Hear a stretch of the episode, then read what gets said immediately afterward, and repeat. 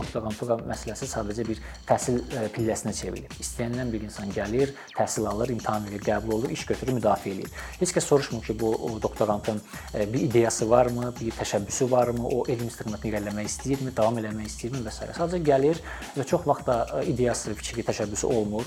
Bir yerdə 10 il qalır doktorant və 10 il ərzində ortaya bir iş də qoymur.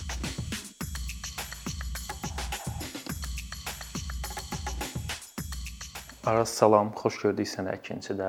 Sağ olun. Bu müxtəlif ölkələrin inkişaf potensialı ilə bağlı bu alternativ bəzi indikatorlar bəzən istifadə olunur.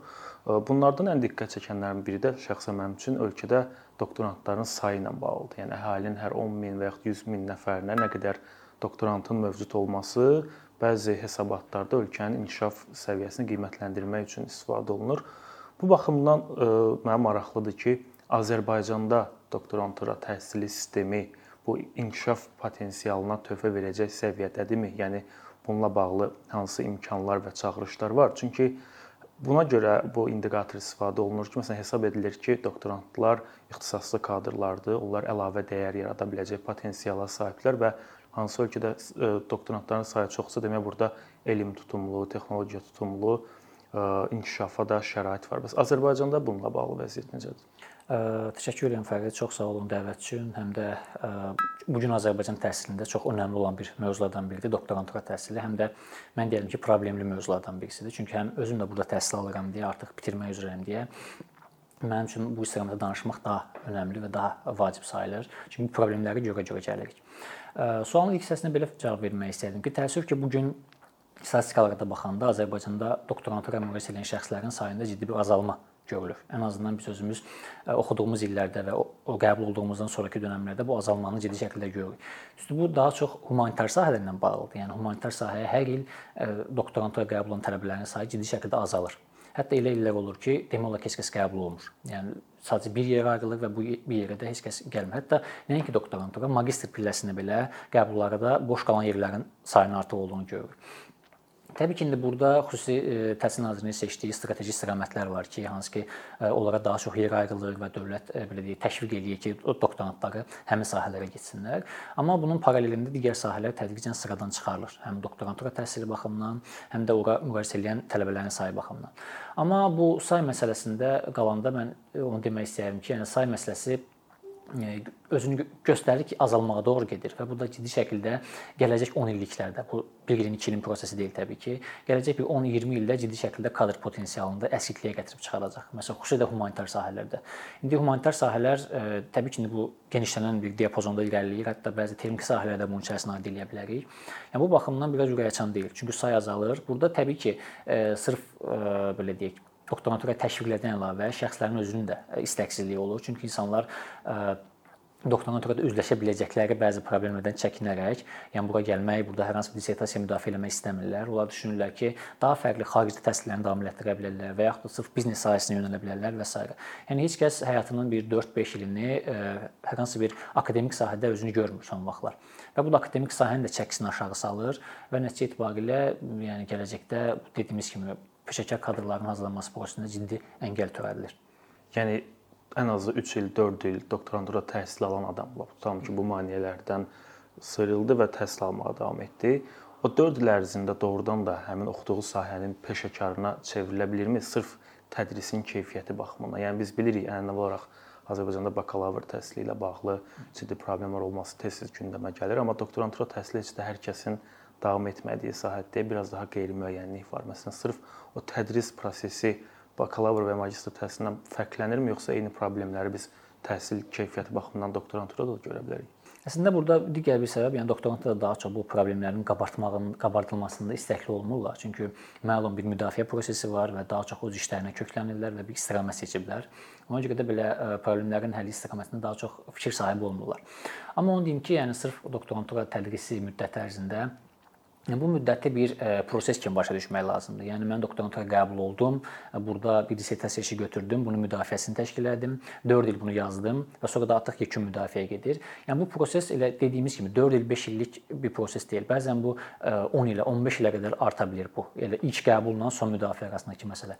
Və bu da çox yorucudur. Çünki bu insan 15 il ərzində yəni bir işi ancaq müdafiə etmək, onun orasını, burasını düzəltməklə məşğul olur. Yəni bu problemlərin sadəcə biridir. Ümumilikdə doktorantura ilə bağlı problemləri biz bir neçə qruplara bölə bilərik ki, orta artıq problemlər qruplarla ola bilər. Bu elmi rəhbərliklə bağlı problemlər ola bilər. Bu doktorantların özləri ilə bağlı problemlər ola bilər, ikinci yanaşma kimi və doktorantura ilə bağlı, e, yəni vəzifələri icra edəcək qurumlarla bağlı problemlər ola bilər. Elmi rəhbərlərlə problemlər daha çox o yöndədir ki, e, elmi rəhbərlərin böyük əksəriyyəti müxtəlif istiqamətlərdə e, ixtisaslar üzrə daha çox yaşlı nəslin nümayəndələridir və onlar müasir yeni dövrün yanaşmalarından biraz məlumatsızdırlar.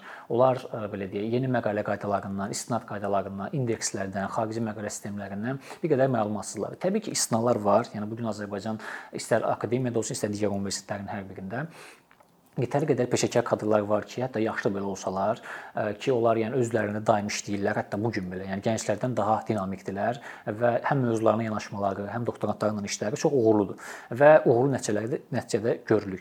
Amma belə bir belə deyək, statistika da var ki, Ali Statistika Komitəsinə göndərilən dissertasiyaların 90%-i birinci müdafiədən geri qaytarılır. Yəni bu dəhşətli bir faktdır. Yəni deməli 90% e, dissertasiya yazı qaydalarında problem var, mətnlə işlənməsində problem var, indekslənməsində, ya doktorantın özündə, ya e, ortaya qoyduğu bir işdə, yəni kompleks şəkildə bir problem görülüb ki, geri qaytarılıb. Cəmi cümlətən 10% E, müdafiə tam şəkildə keçir və yekun nəticə qazanır ki, o da bəllidir ki, artıq yəni həm elmi rəhbərin burada ciddi e, belə deyək ki, fəaliyyəti var, həm doktorantın özünün istəyi var və s.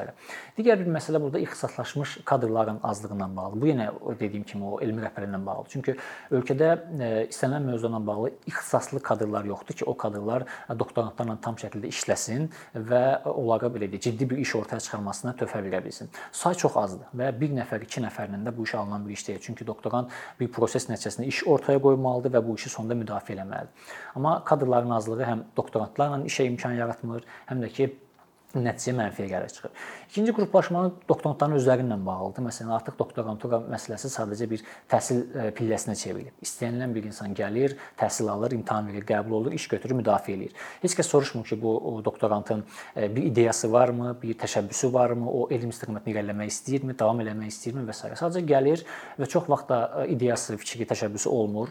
Bir yerdə 10 il qalır doktorant və 10 il ərzində ortaya bir iş də qoymur və təsəvvür edə bilirsiniz, yəni bir yerdə 10 il həmin yeri bir zəbt eləyir insan. 10 il əvvəl ki, başqa doktorantların da yeri gələndə bəlkə də onun yerində başqası olsa çoxdan irəliləmişdi. Bəs o adamların motivasiyası nədir bu qədər uzun müddət? Sadəcə motivasiyalar fərqli ola bilər. Bəzisi sadəcə alt san üçün, doktoranturam var deyə, bəzisi sadəcə diplom üçün, bəzisi iş üçün, bəzisi də e, belə deyək, gələcəkdə özünü sığortalamaq üçün ki, yəni universitetdə bir iş yerim, akademik bir dərəcəm olsun deyə. Amma e, bunların içərisində elmi motivasiya olan şəxslərin sayı çox azdır. Belə barmaqla sayacaq qədər azdır. O şəxslər sırası bilinir və yəni dərhal e, başa düşürsən ki, bu insanın ideyası var, bu insanın bir təşəbbüsü var, e, elmi istiqamətdə irəliləmək istəyir.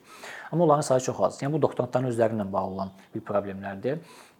Bir də qurumlarla bağlı məsələlər var. Məsələn, hər universitetdə, o cümlə akademiyanın özündə də bu doktorantlara bu ə, doktorantura pilləsi təhsil davam edərkən önəmli belə deyək, yazı qaydalarından tutmuş qanunvericilik məsələlərinə qədər və yaxud da burada ədəbiyyat siyasətindən tutmuş hə, yazı necə yazılmalıdır. Yəni bu kompleks bir prosesdir və bunu öyrədə bilən, ona yol göstərə bilən bir qurumlar var, şəxslər var fəaliyyət göstərən.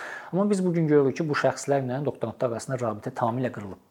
Doktorant bu gün universitetə qəbul olur, e, doktorantura pilləsinə elmi işini götürür e, və salam. Onunla heç kəs maraqlanmır. Elmi rəhbərlik də bəzən, hətta bəzən elmi rəhbər də maraqlanmır.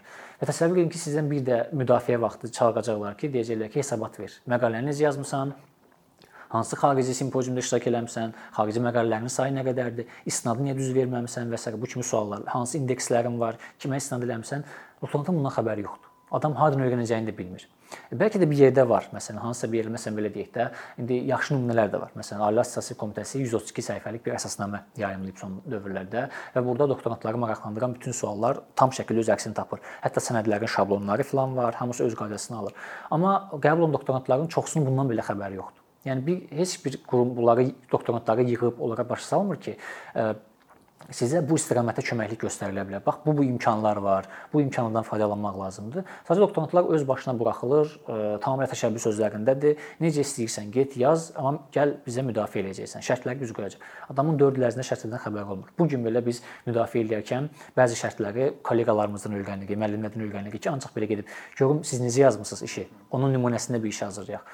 Amma koordinasiyanın təşkil olmamağı da ən böyük problemlərdən birinə gətirib çıxarır və nəticədə biz görürük ki, bu qurumlar problem yaradır. Bir də qurumlarla bağlı digər məsələ həddən artıq bürokratik aparatın hələ də qalmağıdır.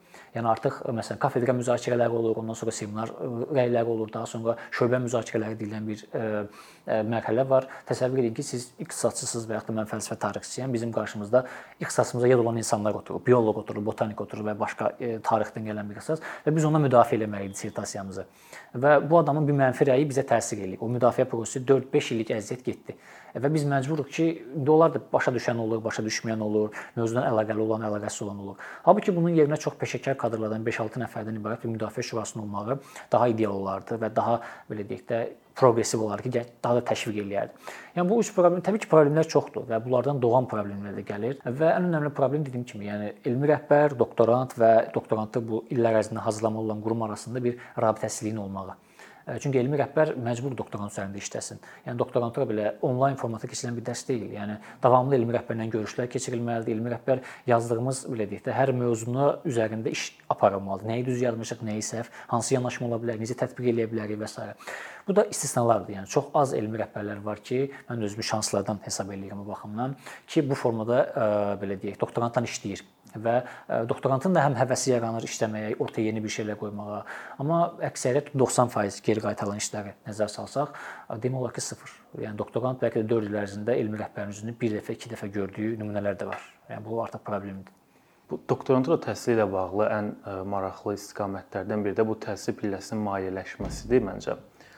Çünki mən bildiyim qədər xarici ölkələrin təcrübəsində tədqiqatlar üçün müxtəlif qrant layihələri və yaxud təqaüd proqramları nəzərdə tutulur. Azərbaycanda necədir? Yəni çünki mən düşünürəm ki, bir tədqiqatçı keyfiyyətli bir iş ortaya qoyması üçün onun ən azından ilkin sosial ehtiyaclarını ödəyəcək bir maliyyə təminatı olmalı ki, o rahat şəkildə tədqiqatlarına fokuslana bilsin. Azərbaycanda bu sahədə vəziyyət necədir? Əslində e, təməl problemlərdən biri də budur. Çünki doktorantların bəlkə də bu elm sahəsində məşğul olan şəxslərin ən ağır yerlərindən biri də bu maddi məsələlər. Çünki bir insan e, yəni müəyyən bir yaş mərhələsinə çatır artıq, zaten ev, ailə qurmuş olur, bir ailəsi olur, bəlkə də övladları olur, onların baxımı, digər sosial məsələlər olur. Və doktorantlar sadəcə əgər əyanı oxuduğu təqdirdə ona dövlət tərəfindən müəyyənləşdirilmiş bir stipendiya ödəniş edilir. O stipendiya ödənişi də yəni normal bir ödənişdir, yəni çox böyük, yüksək bir rəqəmdən getmir söhbət.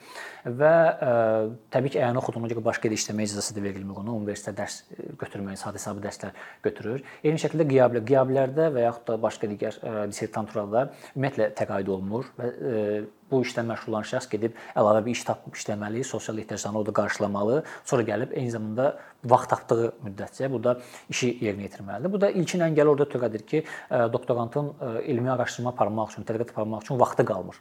Yəni çünki bütün gününü o sosial tələbatını ödəməkdə keçir. Və yaxud da bu adamlar belə deyək, arxivlərlə işləməlidir müəyyən mənada, əlyazmalarla işləməlidir. Bunların Xerox xərcləri var. Yəni bunların hər birini sayanda və yaxud ola bilər ki, tədqiqatla bağlı bir kitab var xaricdə, onu sifariş edib gətirməlidir. Elə ixtisaslar ola bilər ki, məsələn, adam Çin mədəniyyətini müdafiə edir nəyisə, adam tutaq ki, Avropa mədəniyyətini müdafiə edir. Yəni kabinetdə elə işlər var ki, onları kabinetdə oturub müdafiə etmək mümkündür, köhnə kitablardan çıxaraq və təzələrdən. Amma bəzi işlər var ki, praktik gedib görməlidir. Adam Yaponiyanı görmür və təsəvvür edin ki, Yaponiya ilə bağlı bir Yapon mədəniyyəti ilə bağlı müdafiə hazırlayır. Yəni necə effektiv ola bilər? Yəni bununla bağlı onun belə deyək, bir təqaüd proqramı bununla bağlı bir kurs və ya da ezamiyyət kimi xərcləri demək olar ki, qarşılanmır. Xarici olan hansı bir arxivlərə göndərilməsi məsələsi demək olar ki, qarşılanmır. Bəlkə də bununla bağlı qanunvericisi nəsə sizdə tutulub. Amma yenə dediyim kimi əvvəlki problemlə qayıdıram. Bunu gələr və gəlib doktorantlara sizin bu imkanlarınız var. Məsələn tutaq ki, bu e, universitetin e, təmin etdiyi bu imkanlardan istifadə edə bilərsiniz kimi hər hansı bir danışıq aparılmır. Məsələn, bu gün doktorantların əsas üzləşdiyi problemlər open library-lara, məsələn, açıq kitabxanalara giriş icazələridir və ya da başqa şeylər. Yəni bunu universitetlər təmin etməlidir. Bəlkə də eləyib Yəni öz universitetimizdən belə məlumatımız yoxdur. Çünki ə, e, qəbul olduğumuz təqdirdə gəlib heç kəs bizə izah eləmir ki, baxın bu imkanlarınız var, bu resurslardan faydalana bilərsiniz. Bunlardan faydalanan daha ciddi bir iş qoyulur. Kommunikasiya düzgün qurulmur. Əlaqə demək olar ki, qurulmayıb. Tam, tapa bilmirik. Biz ancaq sənəd imzalatdıranda doktorantlar ə, e, bu sahə ilə bağlı səlahiyyətli şəxslərin olduğunu bilirik Və olanda sadəcə işimi sənədi imzaladıb bitirmək olur ki, yəni bu ili keçdim. Və bir onda soruşulur ki, nə etmisən? Hesab hər kəs hesab sorur doktorantdan. Gəlir deyir ki, hesabatı ver, nə etmisən? Amma ə, yol göstərim belə deyək, istiqamət verim. Bu işi bu cür həll elə, bu yazını belə yaz, bu isnadı belə ver, bu ədəbiyyatdan istifadə elə. Bu yeni yanaşma bunlar yoxdur. Və o da təməllərindən biri də o hətta maddi problemin bunun ikinci bir tərəfidir. Üzərinə gəlir və doktorant bir də ayılır ki, artıq 4 il, 5 il o sertifikasiyanı hazırlaya bilməyib və hazırlasa da belə məqalələrində problem var, xaricə çıxa bilmir və bu işin keyfiyyətini aşağı salır. Məsələn, siz 5 ilinizi ömürdən gedən bir dövrdür 5 il. Yəni 5 ildə daha ciddi bir elmi kəşflər və ya ciddi işlər qoya bilərsiniz ortalığa. Məsələn, bu gün biz bir alman, bəlkə də çox ekstra nümunələrdir. Bir alman doktorantı Azərbaycan doktorantı müzakirə edə bilmərik, müqayisələndirə bilmərik. Çünki onun imkanları və onun çıxış olduğu bazalar və bizim çıxış olduğumuz bazalar bu çox böyük fərqdir. Bəli, imkanlar yaradılmağa çalışır müasir dövrdə. Mən demirəm ki, başda-başdan buraxılıb. Ciddi işlər də görülür. Ən azı məlumatımız olur. Məsələn, indeksləşmə ilə bağlı, mötəbər bazalara çıxışla bağlı filan. Amma ə, o bayaq dediyimiz əlaqə yoxdur. Yəni bunu izah eləyən ki, ay doktorantlar, ay filan kəslər ə, bundan faydalana bilərsiniz və yaxud da bizdə belə bir jurnal hazırladıq. Məsələn, bu jurnal istiqamətində çaplarınızı verə bilərsiniz. Çox az, ancaq fərdi təşəbbüs. Və düşünün ki, e, bir insan belə deyək, hələ ki universitet auditoriyasındayıq deyə bəxtimiz gətirir. Çünki e, çıxış imkanımız olur. Məsələn, bir kolleqamız digərinə nümunə verir və yaxud da örnək alıb gedir. Bəs bunu eləyə bilməyənlər, yəni qiyabən kənardan ümumiyyətlə oxumaq istəyənlər o insanların heç nə xəbəri olmur. O insanlar məlumat əldə edə bilmirlər ki, nə necə olacaq. Bir məsləhət verə bilən bir e, sistem, bir qurum Var qurumlar, amma dediyim kimi əlaqə yoxdur. Əlaqənin olmağı problem gətirir və maliyyə də artıq şəxsi problemlərə doğruluğuna görə işin keyfiyyəti aşağı düşür və bunları görən insan doktoranturada təhsil almaq istəmir, bəzən yarımçıq qoyur doktorantura gedir, ya da bitməyən 15 ilə qədər davam edən doktorantura müddəti ağırlı bir proses. Yəni insan düşünür ki, mən 15 ilmi bura ə, sərf edəcəyimə başqa biznesə girsəydim daha ciddi bir işlər görə bilərdim. Biz əvvəldə də dedik ki, bir ölkədə ixtisaslı kadrların, peşəkar doktorantların olması həmin ölkənin hər tərəfli inkişafına gətirib çıxara bilərdi. Ancaq son dövrlər Azərbaycanda müşahidə olunan trendlərdən biri bütün sahələrdə demək olar ixtisaslı kadrların ölkədən getməsi ilə bağlıdır və burada maraqlı məqam odur ki, bəzi sahələr var ki, doğrudan da həmin sahələr Azərbaycanda inkişaf etməyib, xüsusilə yüksək texnologiyalarla bağlı və s. Belə sahələrdə ixtisaslaşan insanların getməsi hardasa başa düşüləndi ki, bu Azərbaycanda yoxdur. Amma elə sahələrdə olan adamlar da gedir ki, həmin sahədə olan insanlar Azərbaycanda da rahatlıqla iş imkanları və hətta belə normal gəlir tapa bilərlər. Amma onlar da e, əksər hallarda ilk fürsət düşən kimi xaricə köçməyə meyilli olurlar.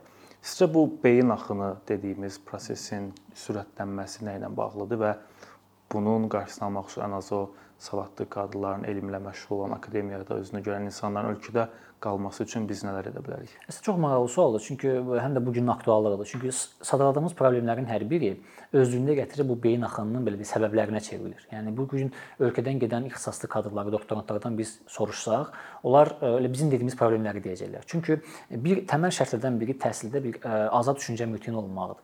Məsələn, bu gün tutaq ki, heç bir doktorant e, çox nadir hallarda ola bilər. E, qəbul olduğu təqdirdə ona bir fərdi yanaşma yoxdur. Məsələn, adam tutaq ki, çox savadlıdır, fərqli dillər bilir. Yəni onun istiqaməti özünü gördüyü istiqamət tutaq ki, tamamilə fərqli bir sahədir. Amma elmi rəhbəri və yaxud da belə deyək də e, doktorantura müdafiə etdiyi istiqamət onu fərqli istiqamətə yönləndirir. Nəyə görə? Çünki hər bir elmi rəhbərin əsas planı odur ki, doktorantın problemsiz müdafiəni keçsin və bunu təmin etməyə çalışır. Yəni burada ortaya yeni bir elmi kəşf qoyaq, bir yenilik gətirsin, anlayışı yoxdur. Yəni e, doktorant qorxur ordakı 6 nəfərdən ki, müdafiə edəcək şəxslərdən ki, hamısı elmlər doktor professorlardır ki, birdən mənə mənfi rəy verərlər. Yəni burada nə qarşı tərəfi müdafiə edənlər, nə müdafiə olunanın mən elmə yeni nə töhfə verirəm kimi bir dərdi yoxdur. Sadəcə mənim işim keçir və da bu işi keçirək, keçirməyək. Hələ önəmli problemdən biri odur ki, qısqanclıq çox ciddi şəkildə Azərbaycan elmində bu gün var. O günə ki, ordakı müdafiə edilənlərdən biri sizin elmi rəhbərinizdən problemli birisi olsun, elmi rəhbərinizin intriqası olsun və bu artıq şəxsi müstəviyə keçir. Və yaxud da Sovet ənənəsindən qalma. Sən bu işi yazmısan, mən də 20 il əvvəl bu işi müdafiə etmişəm. Nə üçün mənim kitabıma istinad eləməmisən? Yəni bu da dəhşətli bir şeydir. Yəni təsəvvür edə bilirsiniz və nəticə itibarilə şəxsi intriqadan sizin işiniz qalır. Getmir. Və fikir versiniz, heç bir halda doktorant ortaya yeni nə qoyub, yeni bir fikir, ideya, heç kəs bundan danışmır. Nə doktorant danışmır, elmi rəhbərlər bunun üzərinə gəlmir. Dedim ki, istisnalar hər zaman var. Yəni bu gün Azərbaycanda hətta doktorantlıq institutu qalıbsa, o bir neçə istisna istisnaya görə, həm ciddi elmi rəhbərlərə görə, həm ciddi işləyən doktorantlara görə, həm də savadlı ixtisaslı kadrlara görə. Yəni onlar da olmasaydı vəziyyət nə olardı? Yəni çox çətindir vəziyyəti demək. O ki qaldı digər istiqamətlər, məsələn, ən önəmlisi dediyim kimi təhsildə azad düşüncəli olmalıdır. Məsələn, bu gün əksər yerlərdə doktorantura pillələrində belə deyim, mövzu seçimində azadlıq tanınmır insanlara. Məsələn, normalda elmi rəhbər doktorantla bir yerdə müzakirələndirməlidir. Ortaq e, bu doktorant hansı istiqamətə maraqlıdır, onu müəyyənləşdirib bir mövzu qoymalıdır ortaya. Və bu mövzu da aktual olmalıdır. Yəni bu günə uyğun, gələcəyə yön verə biləcək bir mövzu olmalıdır. Yəni keçmişdə olan bir mövzunu müzakirə etməyin bir adı yoxdur. Məsələn, bizim e, kafedraların birində sinergetika mövzusu 30 ildir müzakirə olunur və 30 ildir müdafiə olunur hətta. Hər il gələn doktorant e, müdafiə edir bu mövzunu girib soruşsaz ki, bununla bağlı hansı elmi yenilik, hansı elmi kəşf, hansı belə deyək, xarici jurnalda çap olunan bir nəticə yoxdur. Sadəcə müdafiə olunur ki, çünki təməl bir mətn var, necə ki, orta əsrlərdə o Aristotelin mətnləri təməl mətnləri idi, heç kəs kənara çıxmırdı. Onun kimi təməl mətn var, hər kəs ondan oxuyur, yazır, müdafiəliyi keçir. Çox rahat. Artıq bir belə deyək də istiqamətə dönüb. Ölkədə ona qalsa onlarla belə deyək sinergetika üzrə müdafiə etmiş doktorant var. Amma nəticə elmi kəşf var, yoxdur. Və düşünün ki, siz bir doktorantsınız, siz özünüzü karyera imkanları qurmaq istəyirsiniz və gəlmisiniz sizə sinergetikanı müdafiə etmə imkanı verilir. Soruşmurlar hansı mövzunu. Və təbii ki, siz bu sıxılacaqsınız bu sistemdən. Bir azadlıq yoxdur burada. İki dediyiniz kimi, əgər lap iş imkanları olsa belə ölkədə, iş imkanı var, çox yaxşı maaş var, Tamam, bunu bəziləri qane olar. Amma doktorantura gələn insan artıq bir elmi e, belə deyək də, arxa plan düşünən bir insandır. Elmi istiqamətə irəliləmək istəyən bir insandır. O düşünür, mən karyeramı yüksəltmək istəyirəm. Mən bu sahədə daha da yüksəlmək istəyirəm. Mən gənc yaşımda lap daha ki dosent, daha sonra professor qədər yüksəlmək istəyirəm, elmlər doktoruna qədər. İmkanı varmı? Yox, biz bunu görürük. Bəli, çox yaxşı iş imkanı, çox yaxşı maaşdır, əlbəttə təmin edirlər, amma yüksəlmə imkanı yoxdur. Və o düşünür ki, mən bu bilik bacarıqla burada qalacağıma, gedib başqa bir ölkədə daha da asan şəkildə yüksələ bilərəm. Orda məsələn mən elə insanlar var doktorantura gəlib, onlar bir yenilik qoymaq istəyir ortalığa. Yəni belə insanlar var, belə tələbələr var həqiqətən. Və onlar elmi bir bir tərəfdən çıxarıb irəli aparmaq istəyir və onlar üçün maraqlıdır ki, Azərbaycan elmi irəli getsin. Amma gəlib bürokratik aparatın əlində qalanda 4 illə müdafiə edəcək bir işi 10 illə müdafiə edəndə adam başa düşür ki, artıq yəni yaşımdan gedir və mən burada e, çürüyürəm belə deyək. Və ondan sonra da sadəcə e, götürür yazdığı əsərləri də kitabları da ölkədən getməyə düşünür. Çünki orada o imkanlar görür. Yəni imkan məsələsi burada önəmlidir. Yəni təkcə maliyyəni təmin etməklə, belə deyək də, e, əlverişli şərtlər təmin etməklə istə hər kəsi alim eləmək, hər kəsi elmə təşviq etmək olmur. Burada e, ideal insanları, müəyyən bir maraqdan gələn insanları da cəlb etmək lazımdır. Çünki biz bu gün nə görürük? Bəli, Azərbaycan doktoranturaya təbii ki, bu gün də qəbul olan yüzlərlə tələbə var. Amma bu tələbələrin neçəsinin bir ideyası var. Bu tələbələrin neçəsi öz ixtisası üzrə yeni bir şeylər qoymaq istəyir, iddialıdır. Yəni xarici ölkədə Azərbaycanı belə deyək, təbliğ edəcək dərəcədə iddialıdır. Neçəsi? Yəni çox azı. Çünki hər kəs gəlir və ilk düşündüyü şey mən müdafiə necə keçəcəm. Yəni ki, e, elə eləyim ki, daha rahat olsun. Və bu əlavə iş, dedim ki, o qara ə, e, fəaliyyətləri doğurur. Məsələn, bir yerdən sonra doktorant artıq marağı da yoxdur, yazmaq da istəmir, istəmədiyi, sevmədiyi bir mövzudur. Və gedir müəyyən bir ə, e, maddiyyat qarşılığında doktoranta dissertasiyasını yazdırır. Bu artıq gəldi bir akademik oğurluğa müəyyən mənada. Bu artıq gəldi əmək istismarına gəldi müəyyən mənada, plagiat sisteminə gəldi müəyyən mənada və artıq əlavə o şaxələndən iş qaranlıq tərəfləri ortaya çıxır. Hətta bəzi hallarda bu çox belə indi istisnalardır. İndi biraz e, fakt çəkə bilməyəcəm burada. Məsələn, bəzən e, elmi rəhbərlər özləri buna təşviq eləyir. Bəzi universitetlərdə filan, bəzi yerlərdə ki, siz e, zaten yaza bilməyəcəksiniz bu mövzunu. Əziyyət çəkməyin, biz təmin eləyək sizin üçün ki, daha rahat keçin. Həm özlərini sığortalamış olur, həm doktorantını. Yəni bu cür mənfi hallara da gəlir çıxır və elm göstərir ki, və daha doğrusu təcrübə göstərir ki, bu istiqamətdə irəliləyəndə mənfi halların sayı daha da artır. Əvvəllər məsələn təxminən bir 10 il əvvələ qədər heç kəs dissertasiya yazmaqla bağlı açıq elan verməzdi. Hər kəs qıraqda, küncdə filan bilirdi ki, belə insanlar var. Amma bu gün açıq elanları görürük. Bu gün insanlar açıq elan verir ki, istədiyiniz mövzu dissertasiya yazılır bir ayın içərisində. Təsəvvür edə bilirsiniz? Yəni insanların 10 ilini həsr elədiyi bir elmi işlər bir ayın içərisində yazılır. Və bu yəni elmin səviyyəsinin hara düşdüyünü görməkdir. Yəni və biz deyirik ki, iddiası olan və öz üzərində işləmək istəyən bir insan gəlsin bu şərtlərdə təhsil alsın. Və təhsil səviyyədə aşağı düşdükcə o müdafiə edən insanlar nə qədər peşəkar olsalar belə, onların doktorantdan gözləntiləri də aşağı düşür. Artıq məsələn də çox intellektual, savadlı, bacarıqlı bir insan belə qabaqlarına çıxanda ona yenə əvvəl kimi o belə deyək, davranırlar. Düşünürlər ki, hə bu da sadəcə eləcə müdafiə edən şəxslərdən biridir və stereotiplər formalaşır. Və Azərbaycan elmində bəlkə də ən böyük təməl problemlərdən biri stereotiplərdir. Yəni stereotiplər qırılmadığı müddətcə, yəni inkişaf çox çətin olacaq deyə düşünürəm. Düz yaxşı işlər görülür, amma görülən işlərin bir effektivliyi olmur. Yəni effektiv şəkildə tətbiq olunmur. Yəni məsələ bundan qaynaqlanır. Çox sağ olun ətraflı müzakirə üçün təşəkkür edirəm. Sağ olun, mən təşəkkür edirəm dəvət üçün və xoş mövzu üçün.